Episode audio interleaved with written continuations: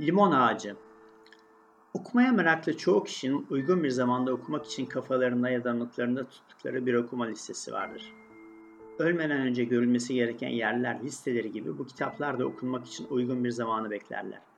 İşte benim için onlardan biri Sandy Tolan'ın Limon Ağacı romanıydı. Tarihi olayları betimleyen romanlar her zaman ilgimi çekmiştir. Küçüklüğümden beri tarihi ders kitaplarından ziyade romanlardan okuyarak öğrenmenin daha kalıcı olduğunu düşünmüşümdür. Kitap yorum sitelerinde de Limon Ağacı romanı tarihi belgesel bir roman olarak Filistin sorununu objektif bir gözle irdeleyen bir eser olarak kitap severlere öneriliyordu. Özellikle Afganistan doğumlu Amerikalı yazar Halet Hüseyin'in Uçurtma Avcısı romanını bitirdikten sonra okuduğum eleştirilerde mutlaka okunması gereken bir kitap olarak tavsiye ediliyordu. Bugünlerde Gazze'de yaşanan vahşetler denk bombalamaları ve sivil ölümleri evimizdeki rahat koltuklarda film izleyen bir seyirci gibi elimizden hiçbir şey gelmeden seyretmek yerine Filistin İsrail çatışmalarının geçmişini bu sürecin bizzat içinde olan insanların neler yaşadıklarını ve hissettiklerini okumak halihazırda yaşanan nedenlerini anlamı konusunda ufuk açıcı olabilirdi. Nasıl edineyim de okuyayım diye düşünürken Cumhuriyet Bayramımızdan bir gün önce sitemizi süslemek için bayrak almak amacıyla muhtarlığa gittiğimde muhtarımızın masasının üzerinde semt kitaplığı için toplanan kitap yığının en üstünde rastladım limon ağacına. Gökte ararken önümde bulmuştum. Mal vurmuş mağribi gibi sarıldım kitaba ve kısa bir sürede de okudum. Filistin'de 1947'den beri yaşanan olayları bir Arap ve bir Yahudinin ilişkisi temelinde belgelere dayalı ve tarafsız bir gözle anlatan bir kitap Limon Ağacı. Sandy Tolan iki düşman halk ve ailenin yaşadıkları gerçek hikayelerini anlatıyor kitabında. Katledilmekten son anda kurtarılan Yahudilerin getirilip Filistin topraklarından zorla uzaklaştıran Filistinlilerin boşaltmak zorunda kaldıkları evlere yerleştirilmeleri ve sonrasında yaşananlar. Kitabın sonunda da 20 sayfalık bibliografya koymuş yazar anlatılanların gerçekliğini ispatlamak için. Bu açıdan belgesel niteliği de olan bir kitap. Romanın kahramanları olan topraklarından zorla sürgün edilen Filistinli Arap Beşir ve ailesiyle Nazi katliamından kaçmış olan İsrailli Yahudi Dalya gerçek kişiler. Aklınıza bir aşk hikayesi gelmesin ama aralarında karşılıklı çatışmaların ortasında ilginç bir dostluk kurulan romanın Arap kahramanı Beşir Filistin, Yahudi kahramanı Dalya'da İsrail'e aşıklar. Beşir ve Dali arasında başlayan bu ilişki sık aralıklarla olmasa da hayatlarının sonuna dek devam eder. 400 yıl Osmanlı Devleti sınırları içinde barış içinde yaşayan Filistin toprakları Osmanlıların 1. Dünya Savaşı'na yenilmesiyle 1917 yılında Balfour Bildirisi'nden sonra İngilizler tarafından yönetilmeye başlar. Bu yıllarda dünyanın değişik bölgelerinden Filistin'e gelenlerle 1. Dünya Savaşı'ndan önce Filistin nüfusu Filistin nüfusunun %7'sine sahip olan Yahudi nüfusu 84 binden 352 bine yükselmiştir. Bu arada Arap nüfusu da 900 bine çıkmıştır. İkinci Dünya Savaşı esnasında ve sonrasında da bölgeye Yahudi göçmenler gelmeye devam etmiş, yaşanan tek tük çatışmalar gittikçe artmıştır.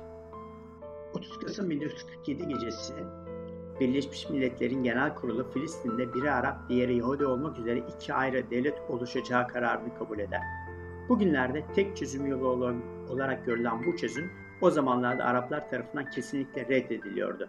Yüzyıllardır üstünde yaşadıkları ve kendi toprakları olarak gördükleri topraklarda bir Yahudi devleti kurulması fikri asla kabullenecekleri bir durum değildi. Bu karardan hemen sonra İsrail kendi hükümranlığına verilen topraklardaki Filistinlileri zorla bölge dışına, bölge dışına çıkarmaya başlar.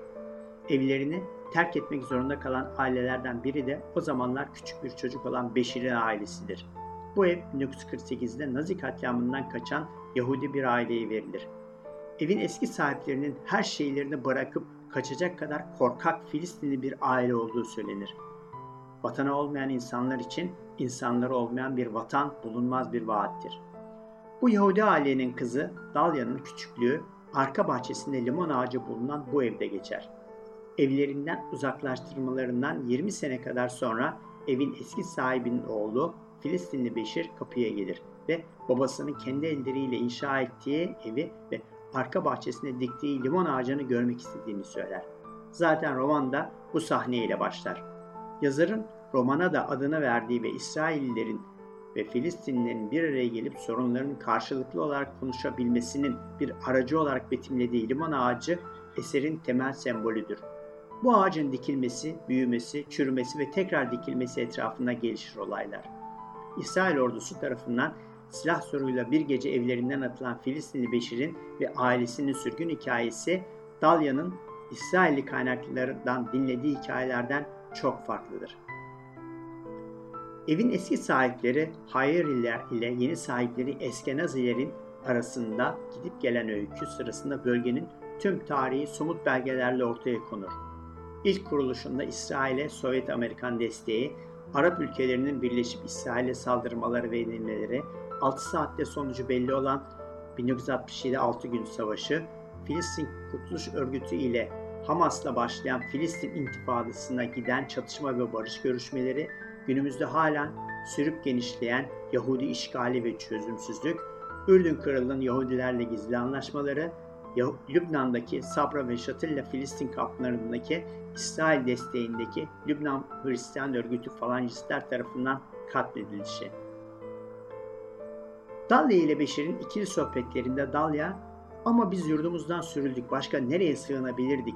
Burayı vatanımız bildik, şimdi nereye gidelim sorusuna karşılık Beşir, ama bu vatan bizimdi. Sormadan geldiniz ve bizi topraklarımızdan sürdünüz. İnsanlarımızı mülteci yaptınız, öldürdünüz cevabını veriyor. Sandy Toll'un İsrailliler için bağımsızlık savaşı, Filistinliler için Nakba veya Büyük Felaket olarak bilinen 15 Mayıs 1948 1. Arap-İsrail Savaşı'nın 50. yıl dönümünün arifesinde bölgeye gidip kapsamlı araştırmalar yapmış. Bizzat romanın kahramanları olan Beşir ve Dalya ile uzun süreler birlikte olup yaşadıklarını bizzat ondan dinleyerek yazmış romanını. İki halkın ilişkilerinin gerçek tarihinin çok daha karmaşık, daha zengin ve daha ilginç olduğunu söylüyor yazar. Bana göre kitabın tek eksiği maalesef iyi bir çevirmene ve editöre sahip olamaması.